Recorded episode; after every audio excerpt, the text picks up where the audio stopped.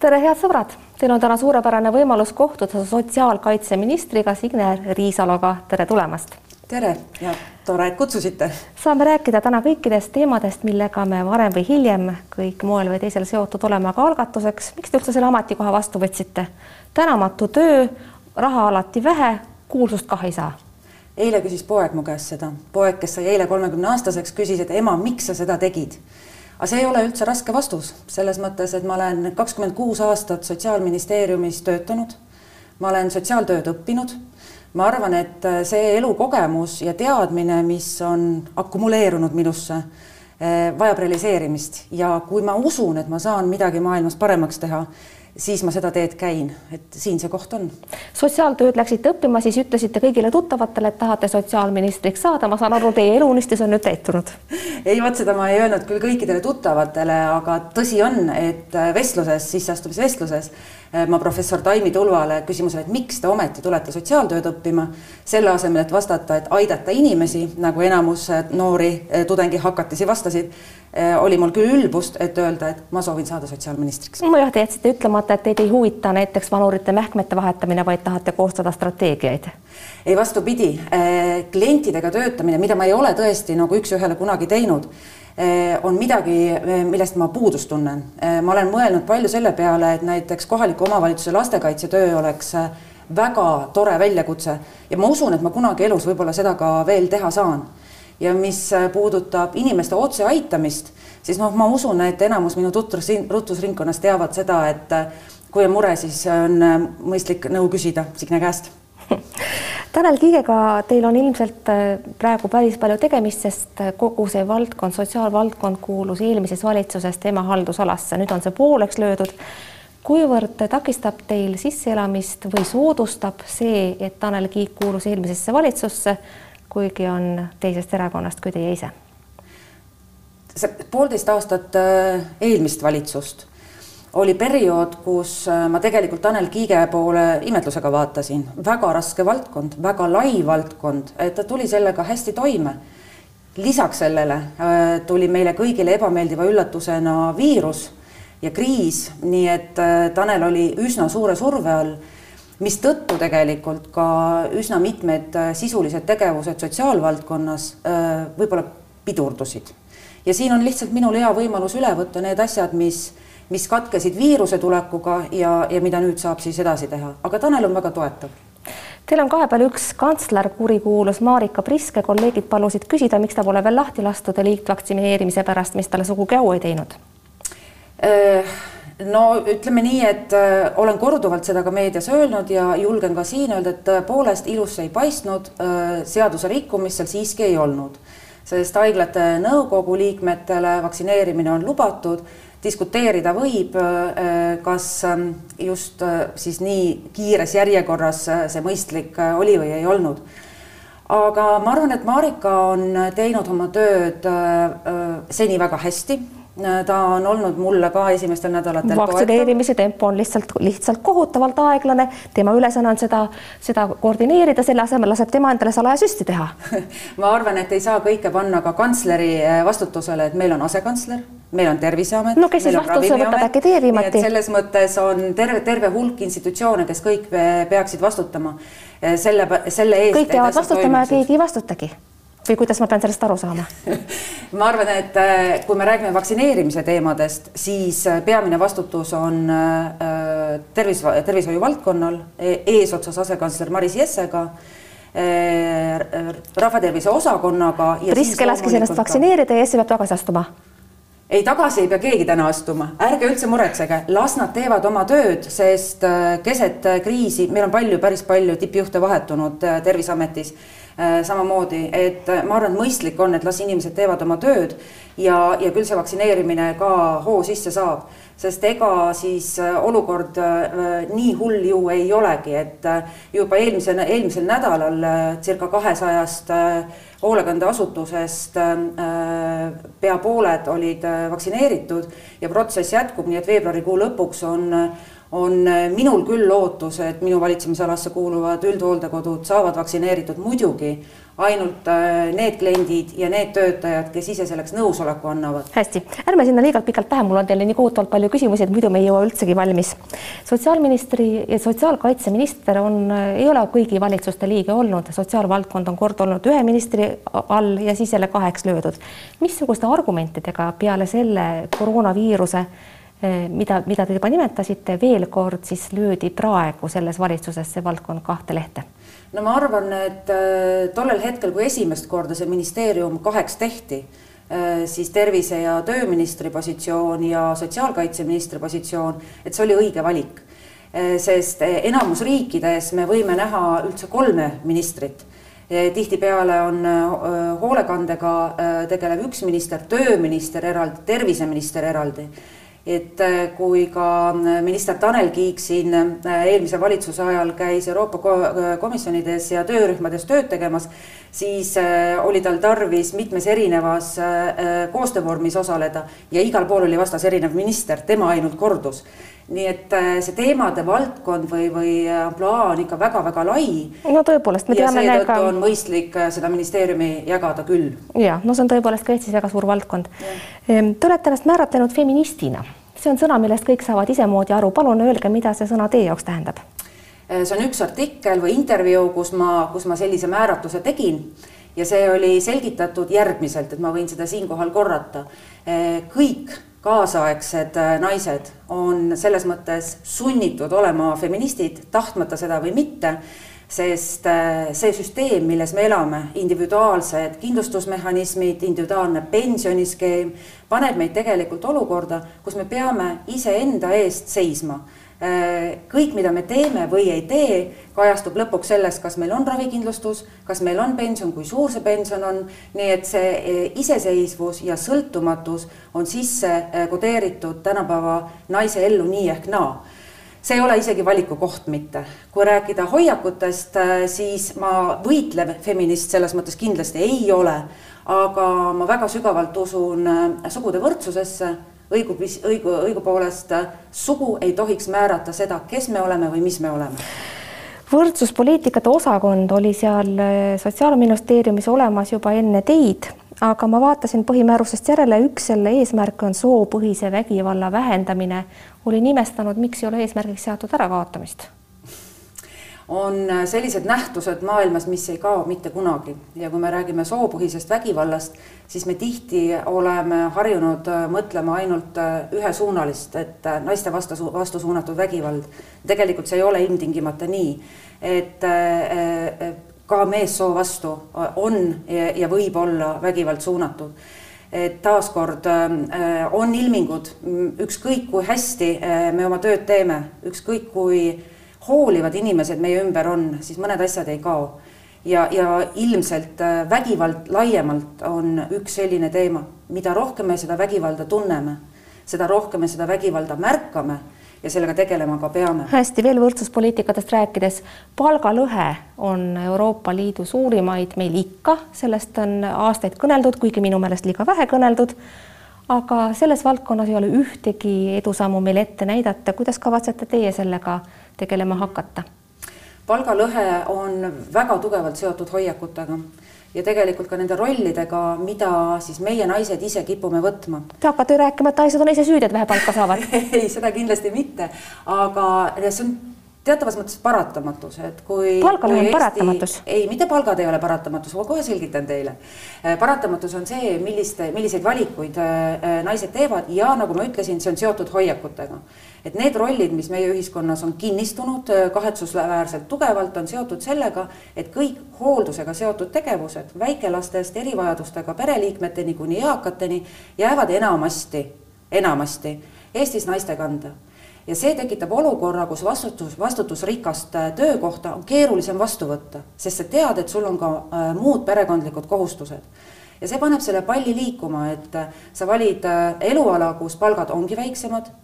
Selle tulemusena sa oled rohkem kodus su, sa saad kas miinimumsotsiaalmaksu, kui sa päris hooldaja rollis oled ja lõpuks on ka sinu pension, eks ole, väike, nii et, et ta on natukene selline nõiaring, kus naisi julgustades minema nendele, nendesse sektoritesse tööle, kus palgad on kõrgemad, ma arvan, et see on nagu üks nendest võtmetest, aga mitte ainult kindlasti. LGBT inimesed ilmselt kuuluvad nüüd ka teie valdkonda, Tanel Kiik saab natukene puhata rünnakutest nendega seoses. mida te kavatsete teha selleks, et nad tunneksid ennast kindlamalt pärast kaks aastat ühe valitsuserakonna poolt kestnud ränku rünnakuid? Need rünnakud olid äh, verbaalsed ja, ja mida ma saan kinnitada, et äh, sotsiaalkaitseministri äh, poolt äh, selliseid verbaalseid rünnakuid mitte kunagi ei tule. minu sümpaatia kuulub kõikidele inimestele, ükskõik kui erinevad nad on. ja, ja äh, sama, sama siis ka selle koha peal. üks erisus, äh, millega ma kindlasti soovin võimalikult kiiresti tegeleda, on ebavõrdne kohtlemine mittetulundusühingute puhul, kes siis äh, Äh, praegu on jäänud ilma Hasartmängumaksu Nõukogu äh, toest ja selle äh, kitsaskoha ma soovin küll ära lahendada. Sõltumata... ehk siis see, see rahasumma, mille, mille ümber eelmisel aastal tohutut ralli käis ja mille, mida taheti neilt ära võtta, nad siis saavad selle tagasi? Nad on tegelikult neid toetusi kogu aeg saanud, on leitud selleks lahendus, aga, aga seadus vajab muutmist ja hasartmängumaksu seaduse muutmisega ma kindlasti edasi lähen. hästi, millal võiks Eesti jõuda abieluvõrdsuseni, teema on koalitsiooni jaoks laualt maas, kuid küsimus jääb noh, kindlasti tuleks nüüd alustada ka sellest, et te olete öelnud, et roheliste petitsioonile oled, olete Signe Riisalo alla kirjutanud ja et olen Te ennetasite mind, oleks kohe meelde tuletanud. et olen küll alla kirjutanud ja, ja olen ka öelnud selgelt, miks ma seda tegin. tegin seda sellepärast, et diskussioon, mis veel mõni aeg tagasi oli väga aktuaalne ehk et rahvahääletus abielu teemal ja, ja abielu mõiste viimine äh, siis ähm, äh, põhiseadusesse võib-olla ka. Et ma ei poolda seda, et see oli diskussioon, see oli lõhestav diskussioon, mida meil ei olnud vaja. Hästi, aga see koalitsioon ei tee midagi, rakendusakte, kooseluseaduse rakendusakte vastu oodake, ei võta. oodake. Eks me näe Võrd, selles mõttes, et tõsi, tõsi on, et, et äh, koalitsioonileppes me selle, sellel teemal tundlikul ja tollel ajahetkel ekstra tundlikul teemal äh, midagi äh, kirja ei pannud, mis ei tähenda seda, et need mõlemad erakonnad on ju väljendanud oma siis sümpaatiat just nimelt selles suunas, et kooseluseadus võiks saada lõpuni rakendatud. ja, ja abieluvõrdsus siis on pigem diskussioon tulevikku kas Eesti seda vajab, millal ta vajab, millisel kujul ta seda vajab? hästi, peame rääkima pensionist, meie aeg kahaneb halastamatu kiirusega. kui ma loen pensioni kohta käivaid märkusi koalitsioonileppes, siis need on nii kohutavalt üldised, mina võtaksin nad kokku sõnadega, tõstame raha tas ühest taskust teise, aga ei tea, kas sellest ikka piisab no pensionidega on äh, üsna kindel plaan tegelikult. küsimus on, äh, kui kiiresti seda plaani on võimalik realiseerida. nimetage kõigepealt plaan. plaan on väga lihtne, kaks asja, mis on eesmärgiks võetud, äh, keskmise pensioni tulumaksuvabastus ja pensioni tõstmine mis on Keskerakonna eesmärk, kuidas teie oravana? esimene on meie eesmärk, et kaks eesmärki on kokku pandud ja nüüd te küsite järgmisena, et kust see raha tuleb. Et äh, mida me ei tee, äh, mis on kokku lepitud, on, teise äh, samba kohustuslikkust me tagasi ei pööra, mis tähendab seda, et riigil jäävad mõned kulutused pensionide valdkonnas tegemata ja me oleme kokku leppinud, et kõik need ressursid me suuname kahe eelnimetatud eesmärgi täitmiseks. Arvutusi teha, tehakse praegu ja ma tõsiselt usun, et, et mõlemad eesmärgid on võimalik täita pensionide koha pealt pensionid on ikkagi olnud eelkõige Keskerakonna teema ja erakonnaline pensionitõus oli see, mida nad meile lubasid viimati, kui valimised olid kuidas teie tunnete ennast äh, reformierakondlasena seda teemat kaitstes, põhimõtteliselt te kiidate, teie töö kiidab ju Keskerakonda, mitte meil, Reformierakonda. ja meil on äh, teine teema ka, et mitte vähem tähtis ei ole keskmise pensioni tulumaksuvabastus ja see on Reformierakonna teema olnud väga pikka aega. aga ma tunnen ennast väga hästi pensionide tõstmisest rääkides, sellepärast et Eesti äh, pension on Euroopa üks väiksemaid. Eesti pensionär on kõige töökam aga mitte töökas sellepärast, et ta naudiks nii väga tööd, vaid ta on lihtsalt kõige vaesem Euroopas ja ta peab tööl käima. nii et kui ma räägin pensioni võimalikust tõstmisest, siis ma tunnen ennast kindlasti väga hästi. kuidas on siiski võimalik, et see teema on Keskerakonnal ja, ja, ka teistel erakondadel olnud nii tähtsal kohal nii palju aastaid, ometi on pensionärid meil ikka nii kohutavalt vaesed? tuleb vaadata äh, riigieelarve võimaluste poole, ka selle planeerimise poole, mida äh, siiamaani on siis äh, tehtud ja mõelda ka selle peale, et missugune on meie rahvastiku struktuuri muudatus pikemas perspektiivis see teeb ettevaatlikuks, kohustuste võtmine ongi keeruline, see on tohutu vastutus. nii et selles mõttes äh, need ei ole kunagi lihtsad otsused, sest äh, ükskõik missuguses valdkonnas sa ressurssi lisad, tähendab see, et kuskile jäi lisamata. riigieelarve on teile ette antud, te manageerite nendes piirides, mis eelmine valitsus on riigieelarves paika pannud. Teie liikumisruum on siin erakordselt väike, kust ikkagi tulevad summad? Sellel aastal on tõepoolest äh, liigutamisruum väga-väga väike, aga nii nagu juba varemalt äh, öeldud, siis äh, pensionide teemal on just nimelt need teise samba ressursid, milliseid kulutusi riik nüüd ei pea tegema, kui inimesed lahkuvad teisest ehk siis Reformierakond ütleb aitäh, Isamaa, et te meile selle raha pärandasite. Kindlasti mitte, Reformierakond oleks väga õnnelik, kui see muudatus, mis teist sammast puudutab, oleks tegemata jäänud, sest inimese enda vastutus, enda panus oma tuleviku kindlustamisse on ikka väga reformierakondlik ja seda me äh, toetasime äh, võideldes selle muudatuse vastu ja toetame ka praegu ja kavatseme mitte küll taastada kohustuslikkust, aga õpetada ja aidata inimesi, mismoodi planeerida oma pensioniiga, kust ammutada finantstarkust, et julgemini vastu minna väärikale vananemisele mõne sõna peame rääkima ka omastehooldusest, see on erakordselt äh, tundlik valdkond ja selles liigub äh, kahjuks väga palju rohkem, palju vähem raha, kui äh, need inimesed, kes hooldust vajavad, tahaksid. kuidas on võimalik, et see erakordselt raske töö, omaste, omastehooldajate töö on nii niirult tasustatud? ega seda ei olegi tasustatud ju tegelikult.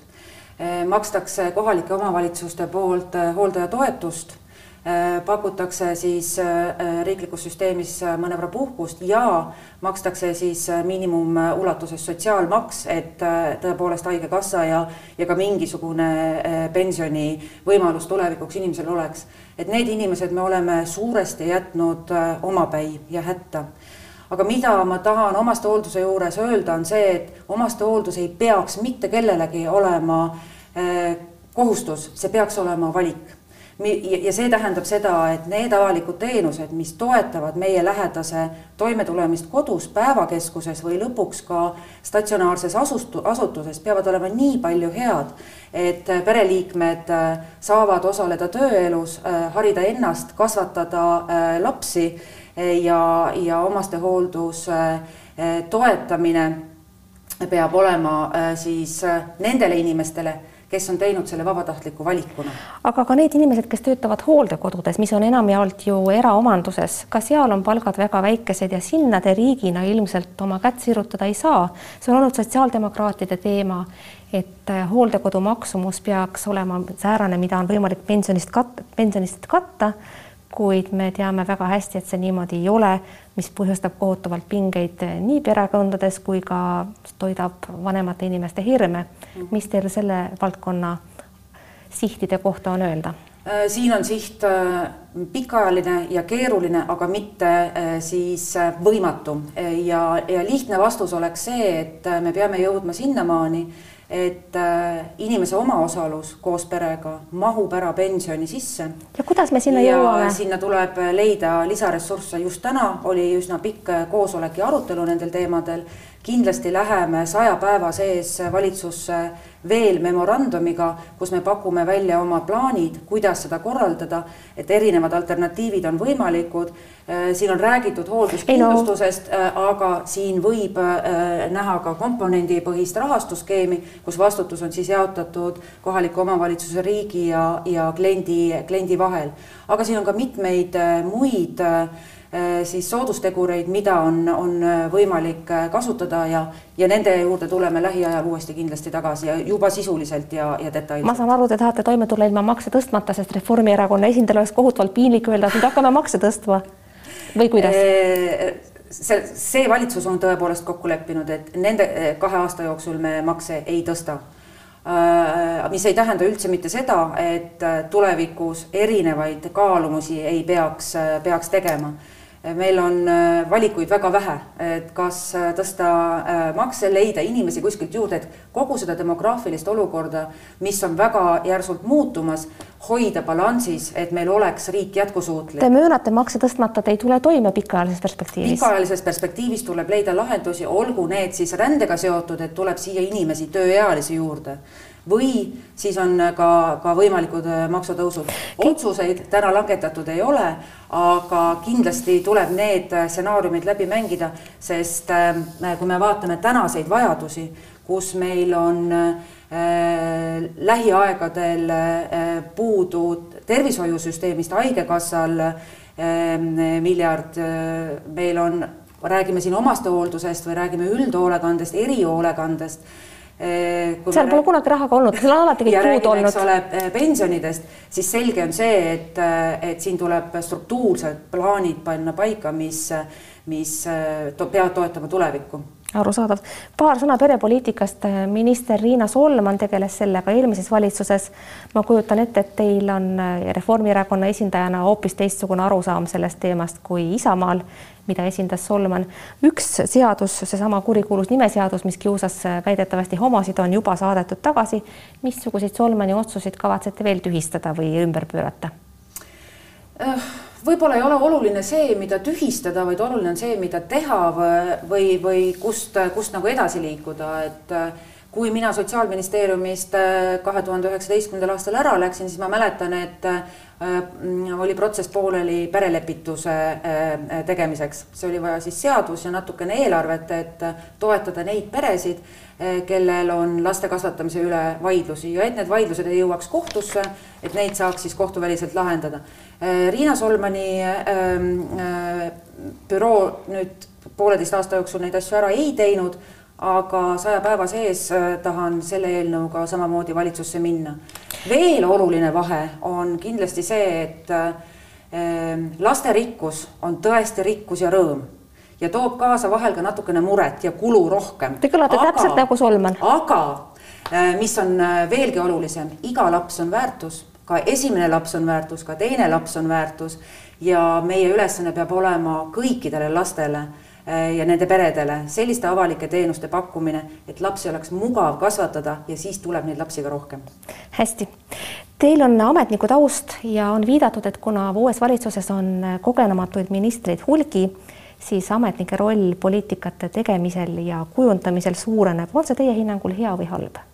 ma arvan, et äh, mida erinevam on valitsus oma, oma liikmete mõttes, siis seda suurem on äh, kogumis lõpuks äh, see kompetents, seal on lihtsalt erinevad kompetentsid. et samamoodi ma võin küsida, et kui valitsuses on ainult poliitikud, kas see on hea? kui valitsuses on ainult ametnikud, kas see on hea, aga kui on ühte ja teist, ma arvan, et see on päris hea Teie astusite Reformierakonda juba tegelikult enne, kui Reformierakond loodi, ehk siis te kuulusite selle eelkäija Liberaaldemokraatliku partei asutajaliikmete hulka. See on pikk teekond ja ma saan aru, et teie liberaalsed ajed ja veended on üsna tugevad.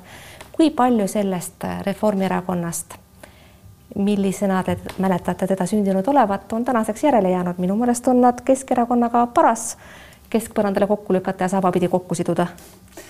Äh, kindlasti on äh, äh, erakond tervikuna muutunud, nimigi on muutunud ja, ja ega ma ju läbi enda prisma saan seda hinnata. toona ma olin noor, optimistlik, vaatasin maailma läbi roosade prillide ja kõik tundus võimalik. et tänaseks on olukord mõnevõrra teistsugune ja kui sa ütled, et erakonnad teatavas mõttes lähenevad üksteisele Aldesse kuulume me Keskerakonnaga mõlemad, nii et, et liber, liberaalsesse perekonda nii-öelda, et selles mõttes võib sabapidi kokku siduda, siduda küll, aga teistpidi jälle ega sotsiaalvaldkonnas äh, nende poliitikate puhul väga palju äh, neid erisusi erinevatel maailmavaadetel ju ei ole Signe Riisalo, meie aeg on piiratud, aga viimane lühike küsimus ja lühike vastus. kas te jaksate endiselt korraga nii suitsetada, joosta ja su suusatada nagu varem või olete vahepeal suitsetamise maha jätnud? ei, ma ei ole suitsetamist maha jätnud, aga ma olen äh, läinud kuumutatava tubakatoote peale üle ja jaksan kõike. aitäh küsimast mitu korda jõuate sporti teha praegu, kui te olete ministriks saanud nädalas? no praegu on läinud küll väga tempokalt ja, ja õhtud ja ööd on, on olnud ka ikkagi arvuti taga või mõnda materjali lugedes, äh, nii et äh, no korra nädalas on õnnestunud siiski, jah. Signe Riisalo, aitäh, et tulite stuudiosse. head sõbrad, aitäh, et te vaatasite, vaadake teinekord ikka jälle, elage hästi, kuulmiseni, nägemiseni